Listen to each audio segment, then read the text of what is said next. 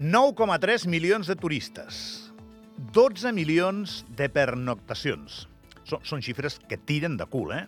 I quan les deuen veure des del Ministeri de Turisme i des d'Andorra Turisme deuen sentir la íntima satisfacció de la feina ben feta. No és que les institucions sigui, siguin on recau tot el mèrit, però al final són les que centralitzen la bona feina que fan un munt d'actors diferents. No és la primera editorial que fem sobre això. I aquí que ens ho qüestionem tot, fins i tot perquè el dimarts va després del dilluns, no podem qüestionar-nos que som una destinació d'èxit, de molt èxit. I quan això passa, just en aquell moment en què sents la dolçor de l'èxit, entra el vertigen de saber gestionar-lo. I no és evident ni fàcil, i menys en un lloc com el nostre país, perquè és petit. El més normal, seguint una lògica aritmètica, seria que per aquest 2024 demanéssim als responsables de la política turística una mica més.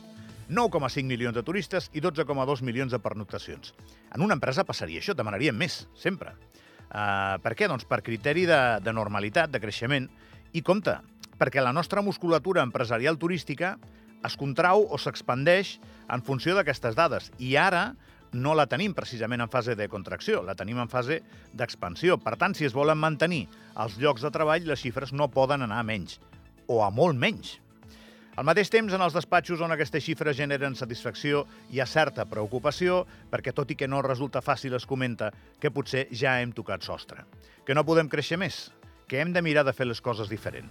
I potser és veritat, aquest és un lloc petit, i si seguim així, sempre anant a més, igual algun dia els pols oposats s'atrauran i sense adonar-nos, anant a més, acabarem anant, acabarem anant a menys. A mi el que m'han d'explicar molt bé és com es fa això. Com ho fas?